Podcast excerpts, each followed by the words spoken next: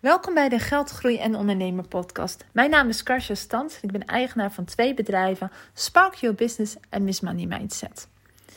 In deze podcast deel ik heel veel financiële tips, strategische tips, eh, maar ook heel veel ondernemersverhalen. En deze aflevering gaat over een ondernemersverhaal, uh, in ieder geval mijn ondernemerservaring in grenzen stellen. En grenzen stellen is een ding voor mij. Ik ben echt een enorme pleaser. En ik wil dat mensen om me heen gelukkig zijn. Ik zorg graag voor mensen. Dat is natuurlijk vooral op privégebied. En ik moet zeggen dat ik de laatste tijd, de laatste jaren daar uh, best wel veel heb geleerd. En dat ik daar steeds beter in word. Alleen als ondernemer uh, moet ik eigenlijk heel dat, het spelletje, noem ik het even, van grenzen stellen, gewoon weer opnieuw leren. Ik weet niet of je dat herkent, maar als jij beginnende ondernemer bent, in ieder geval, ik was een beetje onzeker. Ik vond het spannend om uh, voor mezelf te beginnen. Spannend om van mijn loondienstbaan afscheid te nemen. Ja, om echt voor jezelf te beginnen en klanten binnen te krijgen. En in het begin was ik, was ik zo blij met elke klant. En ik, ja, ik, ik ben nog steeds heel erg blij met elke klant. Ik sta nog steeds juichend te springen als iemand ja zegt. Ik vind dat fantastisch. Uh, Alleen het verschil met in het begin was dat ik echt enorm aan het pleasen was. Omdat ik zo dankbaar was. En ik aarzel een beetje omdat ik nog steeds zo dankbaar ben voor elke klant. En dat ik nog steeds vier als elke klant binnenkomt. Alleen, ik weet niet, in het begin was het anders. Ik ben nu best wel streng. En dan gaat dan weer een beetje grenzen stellen. Over welke klant met wie ik samenwerk. In het begin was ik dat helemaal niet. Ik was echt blij met elke klant. Überhaupt voor het vertrouwen. En uh, ik was zelf zo blij dus dat ik eigenlijk geen grenzen meer had. Dus mensen namen een pakket af. Ik werk met pakketten. En ik deed daar ontzettend veel voor. Ik deed daar alles voor. Gewoon uh, omdat ik die mensen tevreden wilde stellen, uh, stellen. Dat ze niet met mij zouden stoppen. Ja, dat ze geen slechte, slecht over mij dachten. En al dat soort dingen. En daar begon het op een gegeven moment best wel mee te kriebelen. En niet goed te voelen ja, ik geloof echt wel dat er alles van op je, wat er op je pad komt, dat je daarvan moet leren. En als je er niet van leert dat het dubbel zo hard komt. En als je er dan nog niet van leert dat het drie dubbel zo hard komt. En dat was bij mij het geval. Ja, ik ben nu 2,5 jaar ondernemer, waarvan één jaar deels naast mijn loondienstbaan. En uh, de afgelopen, ja, wat is het, anderhalf jaar ben ik nu fulltime ondernemer toen ik nog eigenlijk naast mijn loondienstbaan vond ik het helemaal lastig om grenzen te stellen. Omdat ik me soort schuldig voelde tegenover mijn baan en tegenover mijn klanten. Omdat ik die tijd aan het verdelen was. Ja, sinds ik fulltime ondernemer ben, leer ik het steeds beter te doen. En als we even gaan kijken, hè, bij mij is, mijn, is in wat ik zei, mijn please echt, uh, ja, dat voert de boventoon. En dat zit natuurlijk altijd, we kunnen er heel uh, moeilijk over doen, maar gewoon recht tot de kern. Het zit natuurlijk in het feit dat je je niet goed genoeg voelt. En daar zit volgens mij elke reactie op, die onzekerheid. Of je nou kwaad wordt of verdrietig bent of gaat schreeuwen. Altijd zit ergens die uh, angst om niet goed genoeg te zijn. En die heb ik ook. Ik denk dat er maar heel weinig mensen zijn die het niet hebben privé heb ik het eigenlijk niet meer zo. Maar zeker toen in het begin van mijn onderneming dat ik het onzeker was. En ik word natuurlijk ook steeds zekerder als ondernemer. Gaat dat niet goed genoeg zijn? Eigenlijk een beetje verdwijnt eigenlijk. Uh, omdat je weet wat je kracht is. Dat is natuurlijk privé ook. En door die onzekerheid ga je dingen doen die eigenlijk niet meer bij je passen. En uh, ja, mensen gaan je grenzen over. En laat ik als allereerst voor opstellen dat het niet aan die mensen ligt. Want het ligt aan jou. Jij laat het toe. En niemand gaat nee zeggen. Als je aan het geven, geven, geven bent, zal de ontvangende partij niet zeggen: hé, hey, stop, ik wil niks meer. Zo werkt het niet. Zo werkt volgens mij de mensheid niet. En voor mij was het inderdaad een soort twee dieptepunten dit jaar dat ik er echt doorheen zat en waar ik dacht van nou, nu moet het anders. En het eerste dieptepunt was in januari. Januari is gewoon druk als financial. Je bent bezig met de jaarafsluitingen, controleren van de administraties. En ik had super druk. En ik bleef al die extra's doen. Um, en een van die extra's, bijvoorbeeld even als voorbeeldje, ik ben heel erg op mijn mail. Ik haat die to-do-list, ik haat dat vinkje, ik haat dat nummertje boven die, boven die app. Die mailbox moet bij mij gewoon leeg. Dus ik ben heel snel met e-mails beantwoorden. Hoeft van niemand, maar alleen van mij omdat ik daar een heel van uh, heel tussen inderdaad voor mezelf. Ik wil het leeg hebben. Ik wil niet dat mensen lang op een antwoord wachten. Zeg maar, dat zijn allemaal extraatjes die mij in januari heel erg uitputten. En het was januari was voorbij. Toen ik, ik, ik zag het gewoon niet meer zitten. Ik had er gewoon geen zin meer in. Ik, ik, ik was gewoon vermoeid. Ik dacht, nou, dit gaan we gewoon niet meer doen. Maar gelukkig, februari was rustiger en natuurlijk vergat ik die les weer. Uh, tot ik in april uh, ziek werd door corona. Ik heb hier een podcast over genomen. Wat moet je doen als je ziek bent? Uh, en toen ontdekte ik, ik kreeg natuurlijk die les weer van volle, zeg maar, in mijn snoet gedrukt. Want ik was ziek. Ik moest, het was een van de drukste periodes. April was een hele drukke maand voor mij, omdat dan de B2-aangifte is. En ja, ik was ziek. Ik, ik had corona en ik kon ook echt een week, eigenlijk anderhalve week niks. Ik was de eerste week lag ik op bed en had ik het enorm koud. En de tweede week was ik extreem vermoeid. En ik moest mensen afzeggen. Echt de horror dat je mensen moet afzeggen. En als ik er zo over praat, denk ik, ja, eh, ik kan er ook niks aan doen. Weet je, je bent ziek. Maar op dat moment vond ik, ik het heel erg. Dat is misschien ook de kwaliteit waar ik voor sta. Alleen niet ten koste van mezelf. En uh, ik dacht dat ik het duidelijk had gecommuniceerd. Maar niet dus. nou, meer details vind je allemaal in die andere podcast. Maar dat heeft me heel erg geleerd van ja, als ik geen nee zeg, duidelijk nee zeg, dus gewoon echt gewoon niet met ja, maar ik ben ziek, ik kijk wel over een paar dagen of ik probeer zo snel mogelijk antwoord te geven. Nee, gewoon een duidelijk nee, N-E-E, uh, dan blijven mensen komen. Want ik zei, dat is gewoon als jij aan het geven, geven bent, ja, dat ontvangen mensen dat en die gaan echt geen nee zeggen. En dat ligt niet aan die mensen, nee, dat ligt aan mij. Nou, dat was even een harde les. en sindsdien ben ik echt wel enorm gegroeid in grenzen stellen. Ik ga je vooral meenemen waar je allemaal nee tegen kan zeggen. Waar ik in ieder geval nu allemaal nee tegen zeg. Ook de manier waarop, ook daar een beetje de filosofie achter. Dus ik hoop dat je er wat aan hebt, zodat jij ook wat makkelijker nee kan zeggen. Of dat je realiseert dat je eigenlijk te veel aan het geven bent. Want hoe meer je nee zegt, tegen de ander zeg je ja tegen jezelf. Het is een beetje een cliché, maar zo is het wel. Want hoe meer, hoe duidelijker jij grenzen stelt aan iemand of aan iets, hoe meer het beter voelt bij jou qua intuïtie en hoe meer je ook een bedrijf krijgt wat bij jou past. Je bent ondernemer geworden om jouw bedrijf voor jou te laten werken, voor jouw levensdoelen te laten zorgen. Tuurlijk horen daar tevreden klanten bij, maar wel op jouw manier. Het kan natuurlijk niet zo zijn dat een externe, een derde, bepaalt hoe jouw bedrijf uh, wordt gerund. En dat klinkt uh, heel raar, maar zo is het wel. Want als ik gelukkig ben in mijn bedrijf, zorg ik goed voor mijn bedrijf en zorg ik goed voor mijn klanten. Wat ik denk ik als eerste wil zeggen, is dat je niet alles hoeft te kunnen. Wat ik heb gemerkt, hè, ik ben financieel coach, dus ik help je met je cijfers, ik controleer je administratie, ik, ik eh, kan je helpen met fiscale voordelen, um, met strategie, met van alles. maar er zit wel een grens aan wat ik kan. Uh, ik ben geen HR-persoon, ik ben geen jurist, ik ben geen marketeer, ik ben geen Facebook-ad-expert. Eh, en heel veel mensen zien, als ze zeg maar mijn zien, financieel coaching, krijg ik ook heel veel KR-vragen. Van de, ja, hoe zit het dan met het ontslag van die? Of kan ik die zomaar aannemen? Of weet je, als ik naar Argentinië ga, hoeveel belasting ik daar aan moet uh, betalen? Dat zijn echt diverse expertises, hè, algemene voorwaarden. En ik weet overal echt wel wat van af. Uh, dat is misschien ook gelijk de grootste valkuil waar ik in het begin ben ingestapt. Ik heb 20 jaar in uh, corporate gewerkt door mijn functie als controller. Op verschillende financiële afdelingen heb ik altijd heel hecht met HR gewerkt. Ik wist alles wat er in een onderneming gebeurde. En dus ook met de wet van poortwachten, wat er gebeurt als je iemand moet ontslaan, als iemand ziek is. Nou, dus ik weet daar echt wel wat je met sollicitaties moet vragen. Dus ik weet echt wel wat van HR, maar ik ben niet de specialist. Net zoals met juridische dingen. Ik weet heel veel juridisch. Maar ik ben niet de specialist in algemene voorwaarden. Ik kan je wel vertellen wat erin staat, maar nee, opstellen kan ik ze niet. En ook al vertel ik wat erin staat, ik ben niet de expert daarin. Dus ik kan wel heel veel dingen vertellen, maar dat is dus wat ik ook zei, gelijk mijn valkuil. Dat als ik één ding zeg, dat mensen dan gelijk het idee hebben: oh, maar jij bent jurist of jij bent HR. Ik vind het nog steeds moeilijk, hè, even vanuit mijn politieverdrag, om daar nee tegen te zeggen. Maar ik doe het wel, want HR en juridisch zijn twee echt hele specifieke vakgebieden waar een ondernemer zo de fouten mee kan gaan. Want er hoeft maar één letter verkeerd te staan in het contract en je bent er gewoon, uh, ja, je bent gewoon een sjaak. Wat ik je wil zeggen, je hoeft niet overal verstand te hebben. En zeg ook gewoon nee als je er geen verstand van hebt.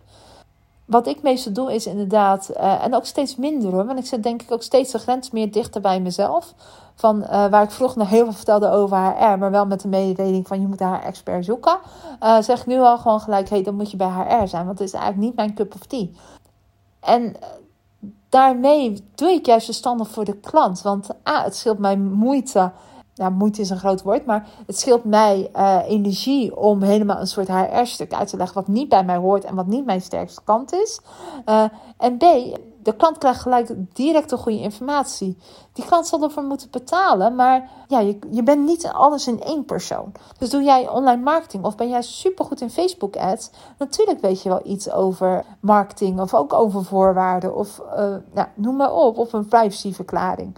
En je kan er natuurlijk wel naar doorverwijzen of iets over vertellen, maar voor de echte expert een privacyverklaring moet er gewoon bij een jurist zijn. Dus dat is even tip 1. Ik ga even naar mijn lijstje kijken wat ik allemaal had. Ik heb een hele lijst. Meerwerk is ook zo mooi. Meerwerk.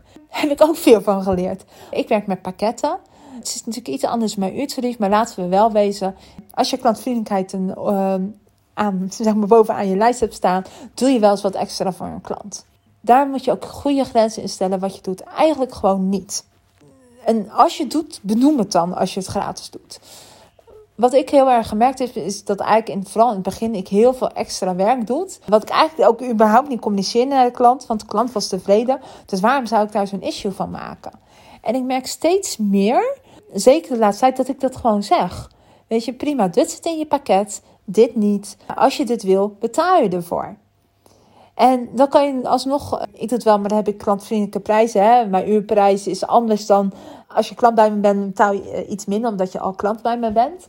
Maar uh, wel duidelijk zeggen tegen klanten van als je het ook gratis doet, van hey joh, dit was meer werk, ik heb het dit keer gratis voor je gedaan, maar volgende keer betaal je ervoor. Als jij het namelijk niet communiceert, weet de klant het ook niet. Die denkt, hé, hey, dat hoort bij mijn pakket. En als je dan de volgende keer nee zegt, dan wordt het meestal heel klantontvriendelijk ontvangen.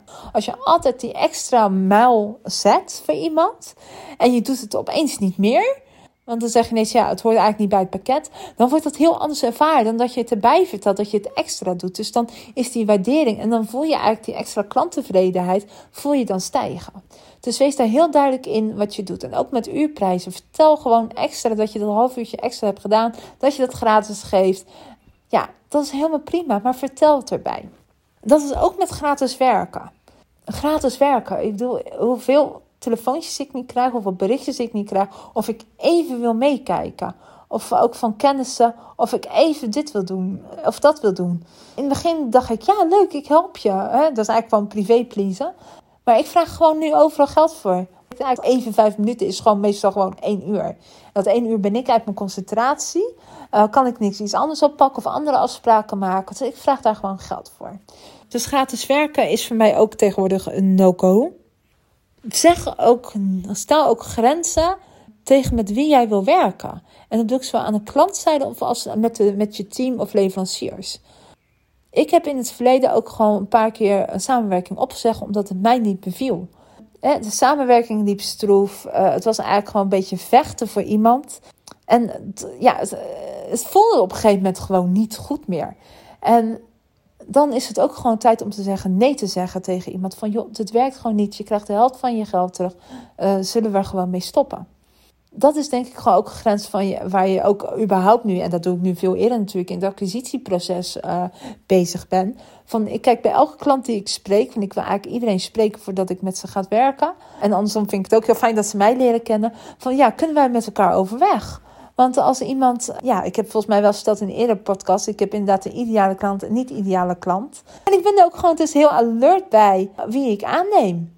Echt heel, ja, heel logisch. Hetzelfde geldt dus ook als je als klanten zich niet aan een afspraak houden. Het is of niet betalen of voortijdig opzeggen of ja, uh, van alles en nog wat. wat klanten ook kunnen, kunnen doen. Uh, wees streng daarop. Zet grenzen voor jezelf. Hoeveel accepteer je dat mensen jou niet betalen? Um, wees daar een echt bedrijf en je bent ook een echt bedrijf. Aan de andere kant heb je natuurlijk ook je team met mensen met wie jij samenwerkt en waar jij aan betaalt. Nou, als ik daar een grens in heb, is het in december en januari ook gehad. Ik had een VA en dat liep totaal niet. En ik heb het twee weken aangekeken en op een gegeven moment noemen ze mij zelfs een, Uh, nou, dat hoef ik hier niet te, hoef ik niet te herhalen. Maar uh, die samenwerking liep gewoon niet. Ik heb haar op zaterdag om vijf uur ontslagen. Volgens mij heb ik dat in de podcast ook wel verteld. Uh, maar dat zijn ook grenzen stellen. Weet je, ik betaal iemand, dus dan moet het ook goed zijn. En pas contractuele voorwaarden op te zeggen, dan doe ik dat graag. En ook al kan ik niet opzeggen, want soms zit je gewoon, heb je een opzegtermijn. Dan kijken we even wat we dan kunnen doen om die samenwerking te verbeteren. Maar die samenwerking geeft aan als die niet loopt. Dus stel daar ook grenzen in. Grenzen stel ik ook in met meer, steeds meer, en dat merk ik de laatste tijd, dat ik steeds meer kijk naar wat ik leuk vind. In het begin heb ik ook werkzaamheden gedaan die niet zo erg bij me pasten. Weer uit die onzekerheid van, nou, dan heb ik in ieder geval een klant. En ik vond toen die werkzaamheden ook leuk, maar ik merk steeds meer dat ik bepaalde werkzaamheden niet leuk vind. En ik heb intussen super goede samenwerking met mensen met wie ik werk en die ik die dingen laat doen betekent ook dat ik van sommige werkzaamheden afscheid ga nemen. En ik vind het super moeilijk om te vertellen aan klanten. Maar het is wel beter voor me. Dus ik stel ook grenzen aan de taken die ik doe. Wat vind ik leuk en wat hoort bij me? En wat moet ik eigenlijk laten gaan? En dat is spannend, want het kost mij ook omzet. Het is ook winst. Maar het voelt zo goed als je het doet. Als je alleen de werkzaamheden doet die je leuk vindt. Een ander ding wat ik tegenwoordig heb staan en waar ik me strikt aan houd, zijn mijn levensregels. Ik heb leefregels voor mij op zelf opgesteld. Dat betekent bijvoorbeeld dat maandag en donderdag mijn afsprakendag zijn. Vrijdag is standaard mijn vrije dag. Dinsdag is ik werk aan mijn bedrijfdag. En woensdag is eigenlijk een beetje een wisseldag. En die regels zijn heilig. Zeker die vrije, vrijdag is mijn vrije dag, die is heilig. Ook is heilig dat ik... Ik ben een ochtendmens. Ik sta enorm vroeg op. Uh, tegenwoordig heb ik een ritme dat ik om vier uur opslaap. Ben ik niet helemaal blij mee. Maar dat zal hopelijk binnenkort weer veranderen naar vijf uur, half zes. Maar ik ben een ochtendmens. Ik sta vroeg op. Ik geniet van de ochtend. Dat betekent dat ik echt met mij makkelijk een afspraak om acht uur kan inschieten. Uh, want dan ben ik al ongeveer een halve dag op. Maar om half zes op dinsdagmiddag is gewoon geen goede tijd om met mij af te spreken. Ik heb dan gewoon geen energie meer. Ik word dan zagrijnig. En als ik dan inderdaad, want ik kan natuurlijk wel doen alsof, dan ben ik weer compleet uitgeblust. Uh, dus dat is ook een grens die ik mezelf heb gesteld. Dat ik inderdaad op om half vier is mijn laatste afspraak. En bedoel ik ook dat die echt afgelopen is. Dus half drie is de laatste tijd dat je met mij kan boeken voor een afspraak. Alles wat erna komt, doe ik gewoon niet. Is ook een harde regel. Uh, door die levensregels bepaal ik steeds meer mijn eigen leven, hoe ik mijn bedrijf inricht. En ik word daar super gelukkig van. En natuurlijk kan ik daar een keer van afwijken, maar dan is het wel een bewuste keuze. Soms heb ik het druk en kom een, een kick-off gesprek. Natuurlijk wil ik die wel eens een keer op een dinsdagochtend plannen. Of als iemand echt niet kan, of als er spoed is, of nou, noem maar op. Dan wil ik echt uh, met liefde tijd voor je vrijmaken. Maar wel op mijn uh, toestemming. En wat ik nu heb is inderdaad Calendly. Dat is een softwareprogramma waar mensen afspraken in kunnen plannen. Iedereen van mijn klanten plant de afspraak in op de momenten waar ik heel happy van word. Uh, kan het echt niet, mocht het echt niet lukken, kan ik er altijd van afwijken natuurlijk. Maar het helpt wel. Even kijken op mijn lijstje. Ja, dan was het eigenlijk wel, denk ik, mijn grenzen stellen. Ik denk vooral, hè, als je ook met grenzen stellen, is ook dat je, hoe je dat eigenlijk doet, hoe ik dat steeds meer ontdek, is vooral voelen. Ja, het klinkt heel raar en het klinkt heel cliché, maar echt je lichaam voelen. Ook hoe jij, weet je, bijvoorbeeld vrijdag werken is voor mij echt een ding. Ik voel me daar zo geïnspireerd van. Nou ja, ook zeg maar na half vier werken. Eh, man, als ik, ik ben uitgeput. Dus eigenlijk vertelt je lichaam waar jouw grenzen liggen. En ik weet dat het eng is om grenzen te stellen. Vind ik ook nog steeds. zeker om mensen teleur te stellen en al. Maar ik heb nog niemand gehoord die zei tegen mij: hey, wat vreemd of hey, wat raar. Nee, nee eigenlijk niet. Want uh, eigenlijk, nou, wat ik in het begin ook zei: van als je ja zegt tegen jezelf en nee tegen een ander, uh, zorg jij dus ook goed voor je bedrijf en voor jezelf. En dan worden je klanten ook uh, blijer van. En ook privé, weet je. Zolang als je een grens staat aan wie je bent en wat je doet, um, word je zelf een gelukkiger mens. En mensen zien dat ook. En mensen weten waar ze aan toe zijn, of het nu privé of zakelijk is. Dit waren mijn uh, levenslessen over grenzen stellen. Ik weet dat er heel veel andere manieren zijn om grenzen te stellen. Ook op andere wijze, op, op andere vlakken. Maar uh, ja, doe het vooral. Wees niet bang om mensen teleur te stellen. Maak jezelf gewoon gelukkig. Anders krijg ik daar drie dubbel hard terug. Uh, nou, dit was het eigenlijk. Ja, ik ben heel benieuwd hoe jij grenzen stelt. Uh, nou, als we elkaar spreken, laten we het daar dan vooral over hebben, want ik ben nog steeds lerend daar ook in. Ja, dankjewel voor het luisteren.